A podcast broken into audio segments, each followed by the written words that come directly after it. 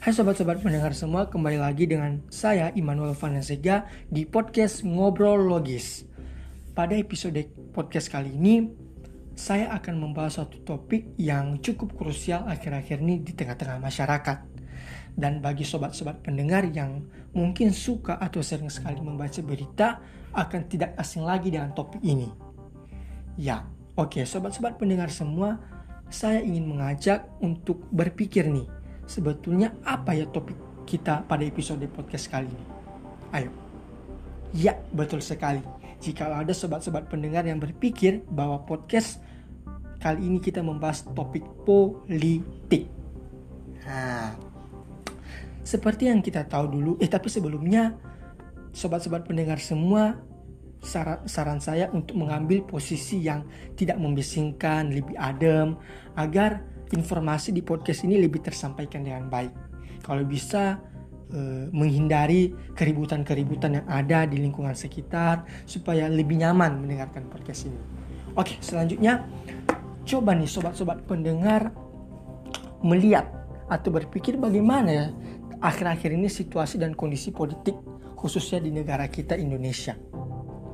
Seperti yang kita tahu bahwa akhir-akhir ini telah terselesaikan atau telah terselenggara kontestasi politik khususnya pemilihan kepala daerah yang di mana yang lebih viralnya lagi yang lebih menyorot perhatian publik adalah kemenangan dari anak presiden sendiri beserta mantunya menjadi kepala daerah. Nah, ada berbagai banyak perspektif yang muncul di tengah-tengah masyarakat, baik dari para ahli, kemudian tokoh-tokoh masyarakat, tokoh agama, dan lain sebagainya. Nah, jadi sebetulnya sobat-sobat pendengar semua, jikalau kita mendalami politik ini sendiri akan lebih seru. Dan jikalau kita lebih memahaminya lebih mendalam lagi, akan lebih kita lebih tertantang. Saya sendiri jujur ketika membaca-baca berita terkait dengan politik seakan-akan saya ditantang untuk ber, berkontestasi juga dengan politik itu sendiri. Nah, tetapi di podcast ini saya akan lebih menekankan uh, percakapan kita pada bagaimana sebetulnya pengertian politik itu sendiri, kemudian apa sih teori-teori yang berkaitan dengan politik, tujuan politik, dan sistem politik. Artinya kita tidak terlalu membahas situasi dan kondisi. Kalaupun tadi saya membahas sebelumnya itu cuma pengenalan saja supaya lebih memberikan gambaran kepada sobat-sobat pendengar mengenai politik. Nah, dan ada juga yang menyorot di perhatian publik sobat-sobat pendengar mengenai adanya pandangan bahwa telah terjadi praktik dinasti, politik dinasti di negeri kita Indonesia. Nah, tetapi itu kita tidak bisa menjudge ya, memang ada atau tidaknya. Tetapi kita sebagai masyarakat yang bijak harus tidak terprovokasi dengan hal-hal yang justru memecah persatuan dan persatuan persatuan dan kesatuan bangsa dengan mengedepankan politik. Nah, itu sebetulnya yang salah. Jikalau politik itu dijadikan kendaraan, kendaraan untuk memecah belah bangsa kita. Kita harus tetap fokus pada semboyan negara kita. Apa Bhinneka Tunggal Ika? Akan tetapi ngomong-ngomong nih sobat-sobat pendengar semua, ada nggak yang tahu? Politik itu sendiri sebetulnya berasal dari kata apa? Nah, jadi menurut berbagai kajian literasi yang saya lakukan sendiri bahwa politik itu sendiri berasal dari bahasa Yunani yaitu politikus yang artinya dari untuk atau yang berkaitan dengan warga negara. Jadi sangat tepat sekali jikalau ada orang-orang yang mengatakan bahwa politik itu tidak akan terlepas di dalam kehidupan kita. Karena kita sendiri ber, bertempat tinggal di dalam suatu, suatu negara, di dalam suatu kesatuan negara Republik Indonesia. Otomatis setiap negara itu memiliki sistem politiknya masing-masing. Jadi tepat sekali jikalau setiap masyarakat itu tidak terlepas dari yang namanya politik. Nah, kemudian juga secara harafiah sendiri, politik merupakan pembagian kekuasaan di dalam masyarakat, di dalam suatu kelompok masyarakat, yang di mana perwujudannya itu terdapat pada sebuah pembuatan keputusan khususnya di dalam suatu negara. Jadi keputusan kebijakan pemerintah sendiri itu merupakan bagian dari politik. Bagian dari praktik-praktik politik. Tetapi saya ingin e, mengutip salah satu kutipan dari teori klasik yakni Aristoteles yang mengatakan bahwa politik adalah usaha yang ditempuh warga negara untuk mewujudkan kebaikan bersama, bukan kebaikan kelompok, bukan kebaikan individu atau kelompok atau kebaikan-kebaikan lainnya, tetapi kebaikan bersama. Kebaikan yang masif secara bersama-sama tidak untuk suatu organisasi, tidak suatu, untuk suatu komunitas, tetapi politik adalah usaha yang ditempuh warga negara untuk mewujudkan kebaikan bersama. Atau, atau, tetapi kita bisa menyederhanakannya adalah politik merupakan kendaraan. Nah, kendaraan untuk masyarakat bisa mencapai suatu kebaikan yang dirasakan secara bersama-sama. Nah, akan tetapi kita coba hubungkan dengan situasi dan kondisi politik kita di negara Indonesia yang di mana justru kebanyakan praktik-praktik politik hanya bertujuan untuk kepentingan kelompok yang sedang melakukan praktik politik itu sendiri atau yang sedang melakukan kekuasaan itu sendiri. Kemudian selanjutnya, secara terminologi atau definisi istilah, politik ini sendiri terbagi menjadi tiga terbagi menjadi tiga. Artinya penyederhanaannya itu dibagi menjadi tiga. Yang pertama, politik ini sendiri lebih mengarah pada politik sebagai usaha untuk memperoleh kekuasaan, memperluas dan mempertahankan kekuasaan. Jadi, secara terminologi, politik ini sendiri bertujuan di mana adanya perebutan kekuasaan, kemudian di dalam perebutan tersebut adanya mempertahankan kekuasaan dan memperluas kekuasaan. Contohnya adalah kejahatan politik, kegiatan politik, dan hak-hak politik. Nah, kemudian yang kedua adalah secara terminologi politik ini merupakan hal-hal yang, yang lebih mengarah pada kebijakan atau keputusan. Seperti yang saya bilang tadi, kebijakan keputusan itu bagian dari politik. Atau bahasa Inggris adalah policy. Contohnya adalah praktik politik luar negeri, politik dalam negeri, politik keuangan, dan lain sebagainya. Kemudian yang ketiga adalah menunjuk pada pengaturan urusan masyarakat dalam segala aspek kehidupan, yang di mana pemerintah mengurus masyarakat, masyarakat mengoreksi pemerintah. Jadi, politik ini sendiri merupakan bagian di mana pemerintah itu mengurus masyarakat dan masyarakat yang menilai merespon bagaimana sebetulnya e, penyelenggara khususnya dalam hal ini pemerintah dalam menjalankan politiknya. Dan koreksi koreksian koreksian masyarakat itu dapat diwujudkan dalam bentuk kritik, kemudian salah satunya adalah demo, demonstrasi, kemudian e, mengadakan diskusi dan sebagainya. Itu merupakan suatu bentuk-bentuk masyarakat dalam mengoreksi pemerintahan politik yang sedang terselenggara dalam suatu negara.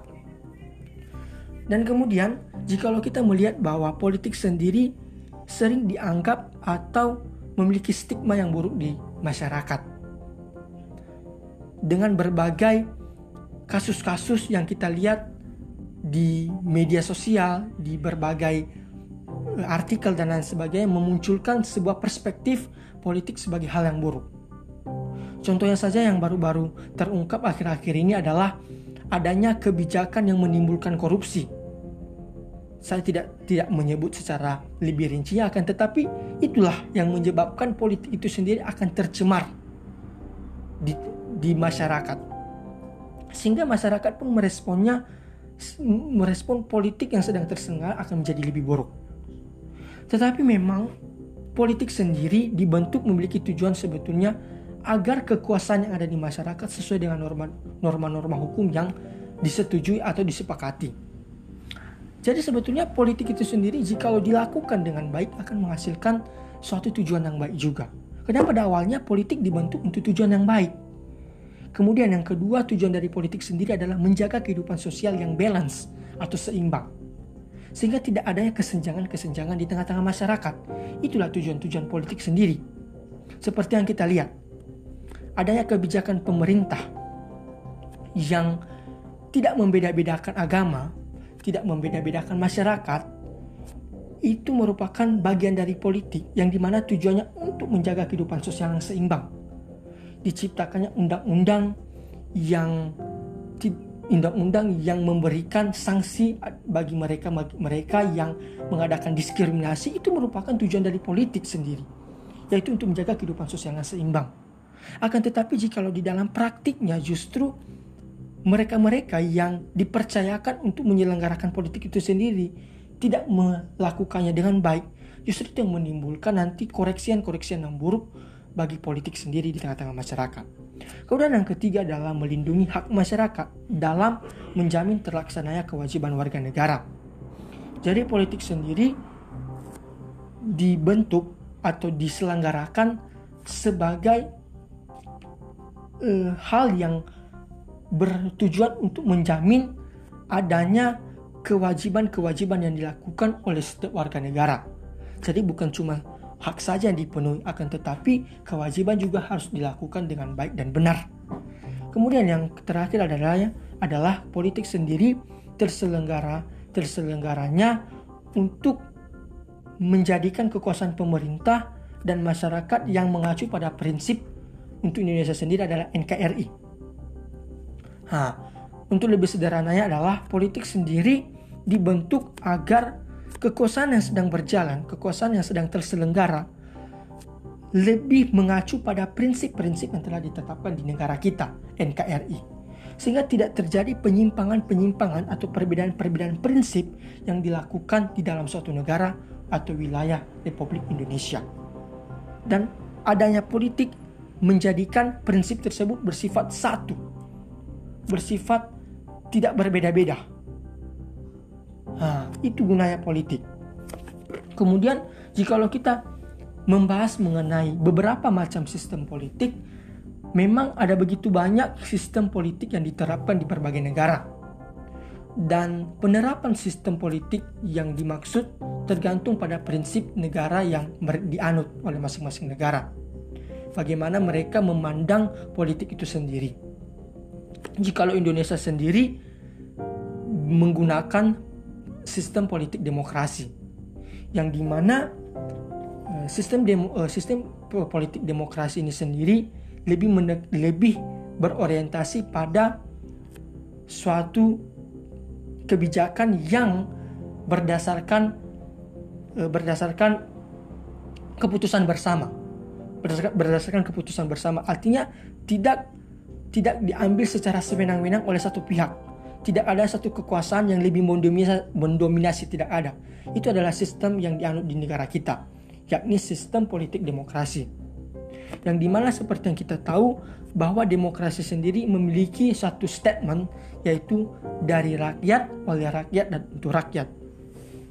Yang di mana hal tersebut di, dicetuskan oleh Abraham Lincoln Kemudian sistem politik demokrasi ini sendiri merupakan sistem politik yang diperkenalkan pada zaman uh, pada zaman pen, kependudukan Belanda. Nah, jadi sistem sistem politik demokrasi ini sendiri memang diperkenalkan di negara kita pada zaman kependudukan Belanda. Nah, jadi hal tersebut juga termasuk dalam dampaknya positif kependudukannya Belanda. Jadi jika kita berpikir juga bahwa ada baiknya juga, ada sisi positifnya juga kependudukan Belanda, di mana kita bisa mengenal yang namanya sistem politik demokrasi dan sampai sekarang kita masih masih menggunakan sistem politik itu sendiri.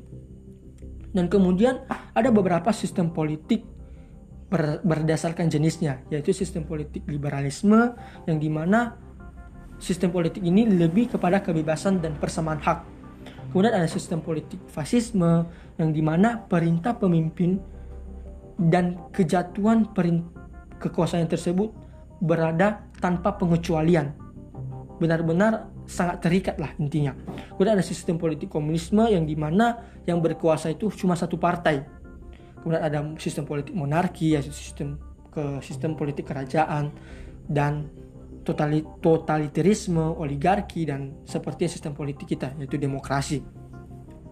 Kemudian, memang dalam penyelenggaraan politik sendiri tidak terlepas dari yang namanya respon ataupun seperti yang saya bilang tadi koreksi-koreksi dari masyarakat sebagai um, objek yang merasakan politik itu sendiri dan perilaku politik yang juga disebut sebagai respon masyarakat terhadap politik yang sedang berjalan dibagi dalam beberapa hal. Pertama adalah perilaku politik radikal, yang di mana perilaku politik radikal ini yakni berespon terhadap kekuasaan yang ada adalah perubahan secara cepat dan mendasar. Kemudian ada respon politik liberal, yang di mana masyarakat sendiri berpikir bebas dan maju. Jadi politik yang sedang berjalan ingin ada perubahan yang cepat dan progresif. Ha, artinya progresif ini adalah adanya perubahan yang e, bersifat ke depannya. Artinya ada suatu perubahan ke depannya yang lebih baik. Nah, kemudian ada yang ketiga adalah perilaku politik konservatif, yang di mana masyarakat menunjukkan kepuasan dengan keadaan politik yang ada. Yang kelima adalah konsep poli, uh, enggak, sorry perilaku politik moderat. Nah, masyarakat di sini lebih berespon uh, kepada politik yang sedang berjalan, yakni lebih puas dan cukup puas dengan keadaan politik yang ada. Kemudian uh, masyarakat ini lebih berpikir maju, tapi belum tidak tapi sulit sekali untuk menerima perubahan seperti yang ada pada respon poli, respon politik radikal. Nah, dan yang terakhir adalah uh, perilaku politik status quo yang di mana respon masyarakat dalam hal ini adalah cukup puas dengan kondisi politik yang sedang berjalan. Namun akan sangat sulit sekali, sulit sekali dalam mempertahankan keadaan yang sudah ada tanpa tanpa adanya perubahan. Dan sistem politik Indonesia sendiri eh, berdasar eh, atau lebih lebih mirip dengan konsepnya trias politika yang di mana ditarik pada masa kolonialisme Hindia Belanda. Trias politika sendiri adalah pembagi di mana sistem politika itu membagi kekuasaan menjadi tiga. Eksekutif, legislatif, kemudian yudikatif. Seperti yang sedang terselenggara di Indonesia, di mana eksekutif di, kekuasaan dipegang oleh kepala negara dalam hal ini adalah presiden. Kemudian legislatif sendiri kekuasaan dipegang oleh anggota parlemen dalam hal ini adalah wakil rakyat. Kemudian adalah kekuasaan kehakiman dipegang oleh MK, KY, kemudian ada MK, MA, KY, dan itu adalah kekuasaan-kekuasaan kehakiman yang eh, yang termasuk dalam pembagian kekuasaan kehakiman. Mungkin itu adalah penjelasan mengenai beberapa pengenalan mengenai politik politik sendiri. Jadi bagi sobat-sobat pendengar semua yang ingin lebih mendalami politik, mungkin akan lebih, harus lebih sering lagi membaca-baca referensi mengenai penjelasan-penjelasan politik. Mungkin ini hanya gambaran kecilnya saja, tapi sini sudah sudah sedikit mewakilkan mengenai penjelasan-penjelasan politik. Nah, sekian dari podcast atau episode podcast kita pada hari ini dan semoga sobat-sobat pendengar semua mendapatkan ilmu yang bermanfaat melalui podcast ini. Sekian.